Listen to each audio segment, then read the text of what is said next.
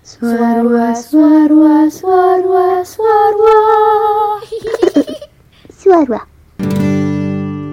Kalau kamu sendiri biasanya kalau healing ngapain? Ehm, pertanyaan sulit ya kak. Nggak sulit loh. Pernah nggak sih ngalamin hal yang tidak menyenangkan? Pernah kan? Lagi agak low energi Uh-uh. gitu ya, terus kayak aduh. Atau mungkin pernah ada kejadian buruk gitu ya. Kalau aku pribadi sih biasanya dimulai dari gerak. Aku harus gerak dulu. Karena aku tuh kecenderungan kalau aku capek bawaannya pengen rebahan, pengen tidur. Maksudnya pe- pengen eh, menghindar dari dunia. Maksudnya dalam artian pengen tidur di kamar ngunci. Ya sebenarnya nggak apa-apa sih. Cuman jatuhnya aku nggak regulasi emosiku gitu loh. Aku harus gerak. Nah contoh sederhana yang bisa aku lakukan bisa dimulai dari jalan keliling komplek. Itu jalan dulu. Terus kalau di kan sebenarnya aku tuh tahu kalau aku tuh merasa fresh lagi ketika aku melihat matahari dan aku menghirup udara di luar itu jadi pertama jalan. Kalau misalnya jalan masih berasa nyesek gitu misalnya atau apa renang sih. Renang. Jadi jalan Olahraga ya? olahraga gitu.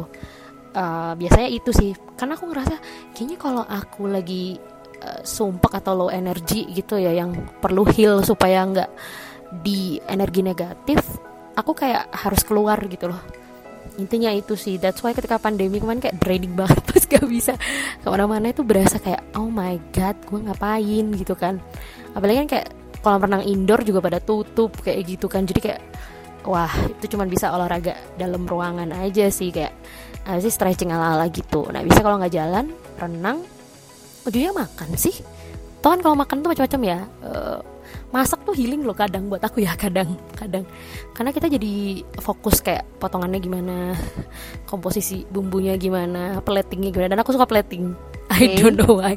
Kayak mungkin beberapa teman aku suka tahu ya aku di close friend suka posting masakan kayak gitu. Jadi kalau aku memang melakukan sesuatu yang berbeda dari rutinitas aja maksudnya bukan berarti nggak pernah jalan olahraga atau kayak pernah tapi mungkin intensitasnya kan itu buat memenuhi kebutuhan aja ya, biar balance ke hidup gitu. Tapi kalau ini tuh bener-bener yang kayak meluangkan waktu seharian ya udah nggak melakukan rutinitas lain tapi lakukan salah satu dari tiga itu sih biar eh apa namanya aku punya semacam suasana baru gitu. Berbeda dari rutinitas sebelumnya gitu sih.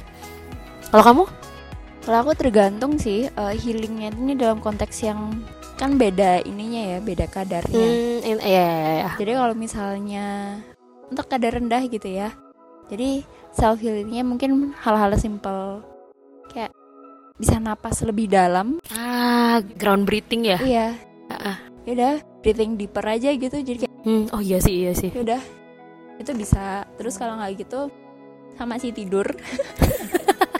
emang ya tidur tuh Iya, tidur itu ya bisa menyembuhkan sometimes.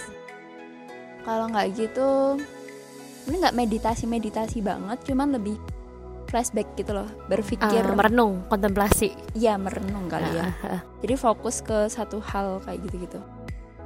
kayaknya aku baru sadar juga ya kalau ketika kamu ngomongin intensitas kayaknya tadi yang tiga aku lakukan tuh kalau levelnya low to medium ya iya tapi kalau misalnya udah empat banget kayaknya aku bakal meditasi sih yang kayak take a deep breath grounding gitu terus kayak yang bener-bener fokus pada pernafasan, fokus pada gerak-gerik tubuh. Mungkin sering denger ya kalau kayak konten-konten self help gitu kayak rasakan udara di sekitar kamu, bau di sekitar kamu kayak Iya soalnya mindfulness itu emang membuat, ya kan mindfulness. kan? Mm-hmm.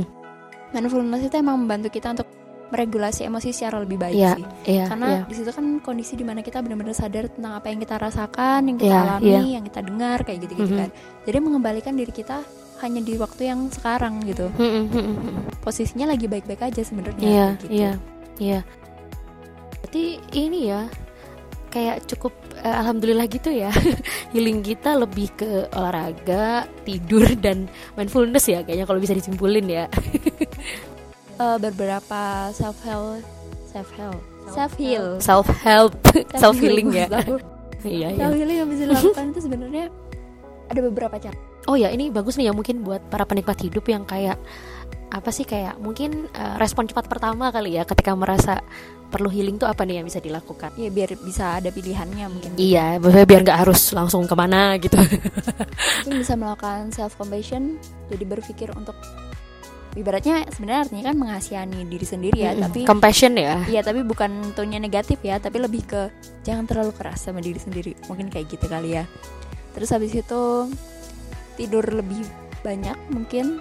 Mm-mm. Terus btw tapi sebelum kamu lanjut ya aku pernah dengar juga loh eh, ada beberapa jurnal kesehatan gitu ya maksudnya nggak cuma psikologi tapi kedokteran juga bilang bahwa sebenarnya salah satu penyebab kita low energy yang lead to eh, emosi negatif itu karena kita kurang tidur juga loh. sebenarnya kalau misalnya kita kurang tidur Kurang istirahat Kurang nutrisi Itu pasti bakal Mempercepat emosi Iya kan, Emosi iya kan. maksudnya. Ya makanya aku mikirnya juga kayak iya ya jangan-jangan gue gampang ke trigger tuh aku kurang tidur gitu loh makanya Iya, kayak yang suka begadangan hati-hati Iya. ya Jadi sambil ngomong diriku sendiri ya kayak kayak coba deh kayak misalnya kayak kita kan di usia-usia 20 gini kan harusnya eh, 6 sampai 7 belasan. jam. Ya oke, aku 17 thank you. jadi harusnya itu kayak jadi harusnya itu kayak 6 sampai 7 jam gitu. Tapi kan mungkin karena kesibukan atau apa kayak 4 jam 5 jam. Itu sih aku pernah soalnya kayak tiba-tiba udah nggak tahu mau ngapain. Ya udahlah tidur nggak usah di alarm. Itu loh, sesimpel tidur nggak pakai di alarm. Aku emang gak Aku alarm sih kebetulan Oh ya aku nggak bisa sih. Bablas kan nggak salat subuh. itu jadi kayak sesimpel tidur tidak pakai alarm tuh kayak ya Allah ini tuh nikmat dunia ya yang sesimpel itu semudah itu kudapatkan gitu loh. Makanya kayak mungkin relate juga kali ya tidur itu untuk Aku jadi inget regulasi kata-kata emosi. dosen aku tahu apa tuh? Dia kalau misalnya lagi capek ya Mhm. eh, biasanya kan kalau anak-anak muda kita liburan ke pantai gunung Iya, gitu. di ke mana tuh? Ini ini kutipannya beliau ya. Dia bilangnya gitu. Kan kalau kalian anak-anak muda sukanya liburan ke pantai, ke gunung atau cari apa gitu kan. Heeh. Saya tuh enggak sih. Saya cukup eh, cari hotel yang nyaman untuk tidur. Pagi, Staycation ya kak? iya. Pagi itu ada yang nyiapin makan. Saya nggak harus buru-buru untuk mengerjakan sesuatu. Mhm, mhm. Udah, itu liburan buat saya. Oh my god, iya Terus sih. kita satu kelas tuh ketawa tau gak sih? Kan masih kayak ah liburan apaan tuh nggak seru gitu. Heeh, heeh. Taunya aku natulah dong Aku juga pernah merasakan itu Iya iya Terus aku langsung mikir kayak Oke aku mungkin kayaknya udah Iya. tua juga ya iya iya. Kayak sesimpel Nggak harus dituntut untuk mengerjakan apa pun Mm-mm. Bisa bangun tidur enak Iya tuh nggak pakai alarm tuh. Nah, Sarapan udah yang nyiapin tuh kayak ah, nikmat itu tuh banget Sunday morning. Nikmat banget Iya iya, makanya balik lagi berarti ya benar definisinya di awal bahwa semakin itu tuh salah satu bukti yang semakin menguatkan bahwa healing tuh nggak harus spending too much money gitu loh, nggak Iya, harus emang- rekreasi. Emang nggak harus sih Oke, Dan next berarti Kembali lagi eh, balik ke kadarnya ya Iya kadarnya, intensitasnya seberapa ya yang ngaruh ke emosi kita. Berarti tadi apa? Sorry, self compassion, kemudian Oh, yang tadi. tidur, Oke. Ha-ha, terus apa lagi lebih tiganya? banyak terus bisa breathe deeper terus juga bisa meditation bisa loving kindness meditation focus meditation terus juga kalau misalnya self healingnya berupa aktivitas bisa mencoba hal-hal baru mungkin olahraga mm, kayak kamu tadi Jalan keliling komplek. dengerin musik Oh iya, juga bisa. musik juga ya sih. terus habis itu berhenti untuk tidak makan makanan sehat Ah iya, junk food. Berhenti untuk makan makan junk food. nah itu maksudnya berhenti untuk makan makanan yang tidak sehat nah itu Iya, maksudnya iya, iya. Noted, duly noted. slip tang mulu ya maaf ya Iya, nggak apa-apa. itu mungkin ini yang sering kamu lakuin ju- juga sih Ki Gratitude journal Ah itu, guys, kalian mau rekomendasi Gratitude Journal DM kita di Instagram aja nanti aku kirimin linknya yang gratis.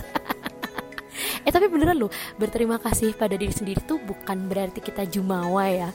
Tapi aku tuh pernah baca juga uh, penelitian uh, kedokteran juga ya bahwa bilang bahwa eh jadi sakit mental ngaruh ke fisik, sakit fisik bisa ngaruh ke mental juga. Jadi kayak resiprokal gitu loh. Nah, salah satunya hal yang bikin kita sakit fisik adalah kita terlalu keras dengan diri sendiri yang dimulai dari lupa mengapresiasi diri sendiri.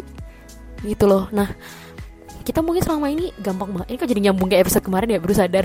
Episode kemarin kayak ya udah itulah ya, pokoknya ada kita nanti bahas Eh, kita sering banget berterima kasih ke orang lain tapi kita jarang banget terima kasih sama diri kita sendiri Diri kita sendiri tuh yang kayak lo tuh 24 jam sama badan lo bukan sama orang lain. Gitu loh. Kata-katanya bagus ya? Iya itu. Jadi kayak eh, aku tuh sering aku tuh ya mungkin gak tiap hari banget lah ya. Cuman aku usahain kayak dua hari tiga hari sekali nulis. Jadi mungkin kalau teman-teman bukan tipikal kayak aku yang anak visual gitu ya yang jurnalnya harus warna-warni makanya aku beli template biasanya. Eh, bukan ada beli ada download juga ya. Di website banyak banget. Kalau misalnya teman-teman suka pengen berkreasi itu teman-teman bisa menulis tiga hal yang teman-teman pengen terima kasih hari ini gitu. Kalau aku nomor satu pasti aku masih hidup itu sih. Jadi minimal kayak setiap hari itu ada satu hal yang aku terima kasih aku masih hidup. Yang nomor dua tiga tergantung. Misalnya kayak nemu coffee shop baru atau ngobrol sama dia berapa jam gitu ya. Nggak yakin aku ada ada nama aku di ada ketika pulang. Oh gitu. Pas Oke. pulang pas pulang. Baru tahu ini. Terus kemudian ada lagi misalnya kalau misalnya diajak teman aku nyoba restoran baru makanan baru dan aku kan suka aku kalau lagi eh, kayak itu tadi ya misalnya kayak kalau misalnya perlu heal itu tuh aku eh, I'm craving for something sweet gitu loh di jadi kayak eh, pas banget kalau misalnya lagi eh, energinya low gitu perlu nyari makanan manis gitu. Jadi kalau misalnya langsung tiba-tiba nemu tempat lucu-lucu makan gitu langsung kayak langsung aku tulis hari ini. Atau sesimpel karena kursi eh, posisinya aku di Jakarta ya Eh, kan susah banget ya lihat awan biru eh awan biru awan putih di langit yang biru. Oke.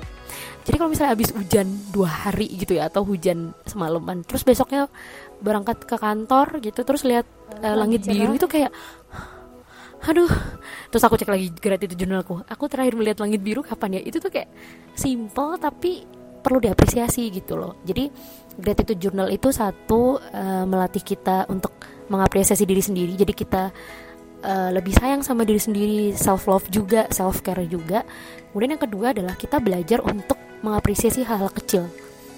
Karena kan sekarang banyak ya orang tuh mungkin dengan banjir informasi itu selalu pengen sesuatu yang tinggi, yang besar, yang iri dengan orang lain. Melihat kayak eh orang lain kok kayak gitu kok hidup gue gini-gini aja. Padahal meskipun mungkin kita tidak signifikan gitu ya atau maksudnya kayak aduh ini banget ya kata-kata temanku nggak apa ya agak melenceng dikit. Oke nggak apa-apa pernah bilang bahwa eh, bumi itu nggak berputar di kamu gitu loh. Jadi kayak jangan merasa pengen diutamain atau pengen kamu tuh yang perasaannya paling penting di dunia ini. Ya semua orang perasaannya penting gitu loh tapi eh ada hal-hal kecil yang kita bisa apresiasi dan yang membuat hati kita itu makin luas, makin besar, makin sabar dan bisa itu tadi membantu menerima emosi gitu loh. Makanya aku ngerasa kayak universe doesn't evolve around you, yes indeed, tapi hal-hal kecil itulah yang kemudian membantu membesarkan hatimu gitu loh. Jadi malah bikin bisa nerima masalah, bisa bisa melihat uh, sesuatu yang mungkin negatif tuh dari perspektif lain gitu loh. Kan biasanya kalau orang eh apa sih kayak tadi ya ngedown kayak gitu kan pasti pikirannya kayak aduh satu satu sisi doang gitu. Kayak kayak gue orang paling sedih sedunia deh. Orang lain gak ada yang sedih gitu ya. Padahal kita emang lagi nggak bisa berpikir jernih aja gitu loh waktu itu. Makanya gratitude journal itu membantu aku melihat masalah atau kondisi aku dari perspektif lain. Dan ya Allah selama ini gue kur- kurang bersyukur banget ya. Itu sih itu gratitude journal. Udah jadi panjang ya oke? Iya panjang banget gratitude journal kamu. Oke terima kasih. Oh ya aktivitas ya. Em, terkait ar- aktivitas self help yang self help. Aduh, mulai kenapa sih nih kayak abis hujan tuh modenya agak ngelek gitu ya bun enggak sih emang suka slip tangan. iya iya Ya iya maafkan ya. nggak apa-apa kenapa self help enggak enggak. Self heal terkait aktiviti yang bisa dilakukan mungkin berkebun juga bisa. oh iya Tapi sebenarnya banyak banyak sih kalau aktivitas eh, buat self healing itu tergantung bagaimana cara kita untuk menikmati. Sesimpel kayak tadi kayak ah ya how to enjoy masak, menyapu, mengepel, iya cuci baju kayak gitu Iya. itu itu bisa healing loh. Iya. Asalkan catatannya ya, tahu mau bagaimana menikmatinya em, ya mungkin bisa kayak gitu Uh-uh. atau kita benar-benar fokus sama pekerjaan itu. nggak mikirin hal lain ya Jadi kan ada apa ya? Ada kepuasan tersendiri gitu loh dari Mhm, kotor jadi mhm. bersih. Oh, iya, hal-hal benar, yang kayak benar. gitu. Hal-hal yang kayak gitu yang bisa kita sadarin. Jadi kalau kita benar-benar fokus sama kerjaan kita ternyata itu bisa menjadi self help, self heal. Sorry. Uh-uh. iya iya Jadi akhir-akhir ini aku suka mencoba hal tersebut juga gitu. iya sih aku sepakat ya Eh, berarti sebenarnya kalau kita runut dari awal tadi self help itu pertama eh sorry self help healing itu pertamanya memang berawal dari bagaimana kita bisa menerima mengakui dan menyadari perasaan kemudian kita bisa berdamai Ini kenapa ada konklusinya? iya iya nggak maksudnya merunut dulu nih takut keburu buyar Oke.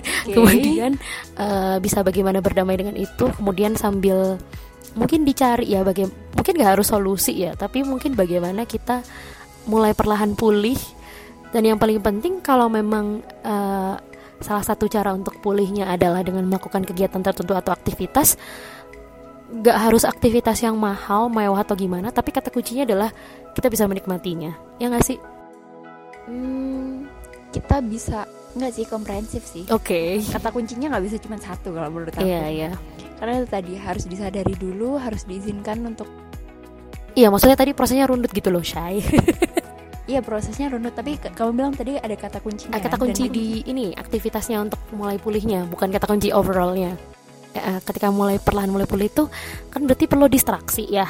Nah distraksinya kan activity tuh.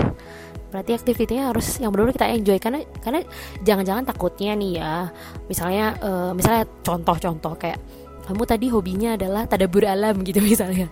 Terus aku bilang kayaknya belanja deh coba yuk. Tapi kamu nggak bisa enjoy yang nggak healing gitu loh. Ngerti gak maksud aku jadi kayak harus yang memang itu tuh kalau soalnya gini kayak kalau misalnya disebutkannya cuma satu aktivitas, Mm-mm. menurut aku itu balik lagi ke curing tadi. ah, oke oke oke Kalau healing itu kan prosesnya itu tadi ya, Mhm. yang kompleks. Mhm. Jadi nggak bisa kita ambil satu poinnya aja see. gitu maksud aku. Poinnya di sana oke sih. oke Tapi kalau misalnya yang menikmati dari segi tahapannya Mm-mm. ya, dari serangkaian Yeah. itu mungkin bisa lah Oke, diambil oke. kayak gitu. Tapi sekali lagi yang di garis bawahi healingnya tuh sifatnya lebih komprehensif. kayaknya komprehensif dan personal sih menurut aku ya enggak Personal. mm. karena beda orang beda caranya Oh iya, kalau itu jadi ya how to heal iya. itu beda orang beda cara, beda masalahnya Nah. juga. jadi kayaknya pertama yang perlu diketahui adalah kenal sama diri sendiri ya coping mekanismenya atau self healing mekanismenya gimana kalau ada eh, masalah Sebenarnya kata kuncinya untuk gimana cara healing cepet itu biasanya dimiliki sama orang-orang yang punya regulasi emosinya bagus. sudah terlatih meregulasi emosinya dengan bagus Heeh. Jadi udah udah cukup kenal sama dirinya sendiri, udah tahu perasaan yang dirasakan. Mm-mm. Jadi semakin ibaratnya nih kecerdasan emosinya semakin baik. emotional quotientnya Mungkin Mm-mm. Mhm. Jadi semakin baik, mungkin kalau misalnya ada sesuatu yang tidak menyenangkan, terus habis itu butuh healing, itu akan jauh lebih cepat juga. Iya iya iya. Iya sih aku percaya sih orang-orang yang punya kecerdasan emosinya sudah bagus tuh memang cenderung sebenarnya mungkin bukan bukan nggak bisa nggak emosi ya, tapi ketika emosinya datang dia Bisa mengelola Ah, dengan ah, baik, maksudnya nggak- walaupun itu emosinya negatif. kalau gelombang air itu kayaknya nggak terlalu beriak gitu ya. Kayak kecipak-kecipak doang gitu loh. Apa sih kecipak-kecipak? bisa beria, cuman Nggak yang responnya, gitu loh. responnya dia dia bisa bagus. Ah iya. Maksudnya ibaratnya mungkin Jadi mau ada badai, mau ada apa, mungkin akan tetap seperti itu jalan maksudnya kayak Tapi untuk merespon Nah, hal tersebutnya bisa tetap flow-nya enak. ya, jadi mungkin nggak tenggelam kali ya ketika ada ombak besar. ah ngomongin lombok besar itu tadi kan kita kalau misalnya em, masalahnya atau kadarnya Mhm. tuh rendah gitu Iya, ya lagi iya. low tapi kalau butuh yang healing yang wah akut nih berat nih gitu Ya mau nggak mau perlu professional help menurutku. Eh, Iya, karena kayak eh maksudnya kan ketika masalah berat itu aku percaya bahwa setiap orang pasti sudah melakukan hal-hal yang di dalam kuasa dia ya. Mhm. Ya entah itu tadi aktivitas, merenung sejenak, berhenti sejenak, ibadah atau nanya orang tua, nanya teman ngobrol atau apa, pasti sudah dilakukan yang di dalam kendalinya. Tapi kalau ketika sudah sangat tidak bisa tertolong, itu ya di kadar berat yang sangat parah banget ya cuy. Ya, mungkin kalau persen tuh nggak 100% ya 1000 atau sejuta persen gitu ya kali ya intensitasnya. Ya menurut aku tetap harus ke professional help sih daripada daripada daripada kamu tersiksa dengan uh, emosi negatif kamu atau perasaan kamu sendiri dan malah kamu nggak bisa uh, kembali seperti biasanya mending ke professional help ya menurutku. Aku selalu nyaranin gitu sih juga sama teman-temanku. Maksudnya kayak jangan jangan takut minta professional help juga gitu loh. Bukan berarti misalnya butuh ya. bukan berarti lo lemah. Enggak coy. Kita manusia biasa kok. Kalau kita nggak butuh bantuan orang lain emang UCP kayak malaikat superwoman superhero avenger. Enggak juga. Avenger aja masih bisa nangis. Ya gitulah istilahnya. Jadi kayak Avengernya nangis lu apalagi? Gitu loh istilahnya. Jadi kayak kalau sudah sudah melakukan segala upaya yang uh, di dalam kontrol kita dan tidak pulih tidak berangsur membaik ya mintalah bantuan profesional guys. Gitu. Ya kan? Atau kalau kamu ada pendapat lain? Bener sih kalau misalnya dibutuhkan memang akan lebih cepat ke professional help tapi kalau aku caranya sendiri em, mungkin menghadirkan Tuhan ke hidup kita lagi itu ya kalau udah mentok banget Mm-mm. kayaknya cara terbaik adalah em, merendahkan diri Iya. ke tempat terendah di bumi ini iya iya untuk bisa mengetuk pintu langit iya gitu ya iya sih kayaknya mungkin aku dulu aku itu dulu kali ya sebelum ke professional help kayaknya kalau aku sih gitu nggak tahu ya aku Mhm. mikirnya suka gini kalau misalnya ada satu masalah Mhm, atau hal mhm. berat yang dialami Mhm. gitu kan terus jadi tahu-tahu ingat Tuhan Mhm, gitu gitu mhm. Suka mikir oh mungkin aku lagi lupa kali ya sama Tuhan. Dan Tuhan kangen nih sama aku. Lagi diingetin coy lagi Nah, diingetin. jadi kayak mau disapa hai dia kayaknya gitu kali ya. Ayo sini sini ibadah lagi. Coba meminta-minta lagi gitu kan istilahnya. Iya mungkin kayak gitu. Iya iya. Iya aku percaya itu juga sih kayak eh, nggak tahu ya. Ih nggak tahu ini mungkin maksudnya bukan bukan maksudnya ngasih contoh dari sisi agama kita juga ya. Kebetulan kita di agama tersebut gitu. eh aku pernah mungkin sedikit pengalaman spiritual nggak apa-apa ya ini jadi dari ngomongin psikologi ngomongin pengalaman spiritual. Jadi aku pernah gitu kayak lagi empat masalah banget gitu ya. Aku kayak mencoba untuk minimal sholat tepat waktu aja deh. Gitu. Kalaupun mungkin gak, gak bisa tambahan-tambahan yang lain misalnya belum sempet ngaji apa sholat sunnah. Minimal sholat yang wajib lima waktu tuh aku tepat waktuin deh. Tiba-tiba kayak tenang sendiri gitu loh. Jadi kayak oh wow. Makanya kayak mulai sekarang eh, udah mulai dibiasain gitu loh kayak sebenarnya kalau dipikir-pikir pun juga kan kalau kata eh, bunda-bunda ustazah ya ataupun bapak-bapak ustadz sebenarnya sebenarnya waktu kita di dunia itu kan eh, kita tuh sebenarnya nunggu waktu sholat aja dengan bekerja gitu. Jadi kayak jangan sampai aktivitas dunia duniawimu tuh eh, kamu prioritaskan daripada ibadah gitu ya buat buat aku ya. Jadi kayak sesimpel membenahi jam waktu sholat aja kayak bisa memperbaiki. Dan ini aku yang paling paling terharu itu adalah ada kayak jurnalnya kayak dari beberapa jurnal di luar negeri ya. Maksudnya ini bukan cuman yang negara timur tengah tapi juga di Eropa gitu bahwa sebenarnya ibadah dan bukan hanya sholat ya ibadah di agama lain dan kepercayaan lain juga itu tuh bisa dipersamakan dengan meditasi.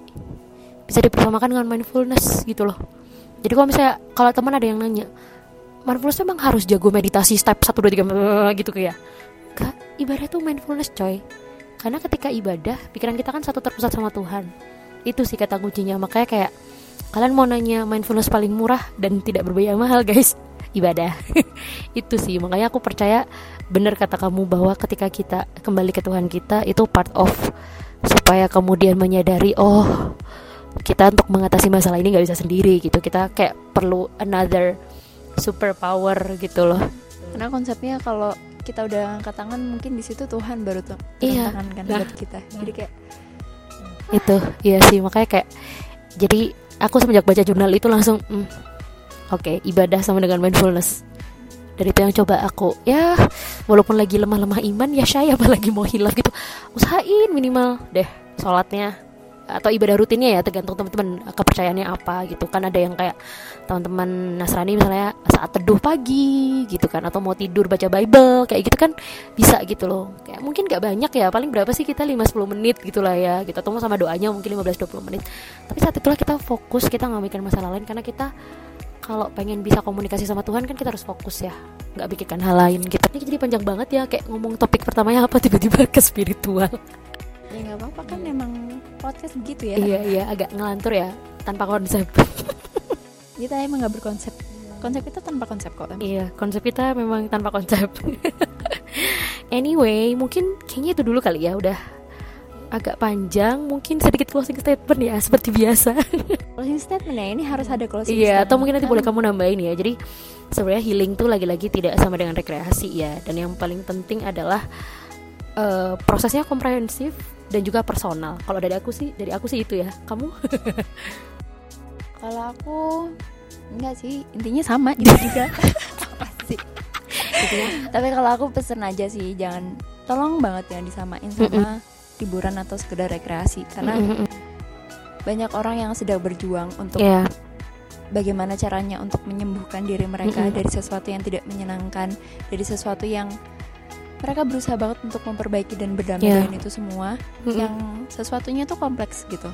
iya, Jadi ketika disamakan dengan satu hal yang ibaratnya jalan untuk escape gitu ya Mm-mm, dari mm-mm. suatu rutinitas agak kurang fair.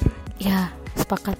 Jadi semoga itu bisa mengubah perspektif Ya amin amin. atau Dan mungkin kalau nggak bisa mengubah seenggaknya bisa nambah perspektif baru lah buat iya iya penikmat hidup iya gitu sih iya. Bangga loh closing statement akhirnya dia yang lebih panjang daripada aku ya. Enggak itu itu pesan aja sih Oh ya, pesan aja ya. Ya pesan kan juga closing statement ya. iya anyway. iya juga sih soalnya kamu tuh biasanya kalau closing statement itu suka merangkum sesuatu Iya, maksudnya tadi udah gitu. emang kita emang kayaknya kita closingnya debat aja gimana gitu Iya, Kayak bisa bisa dah. bisa. Udah. Yuk, bye bye.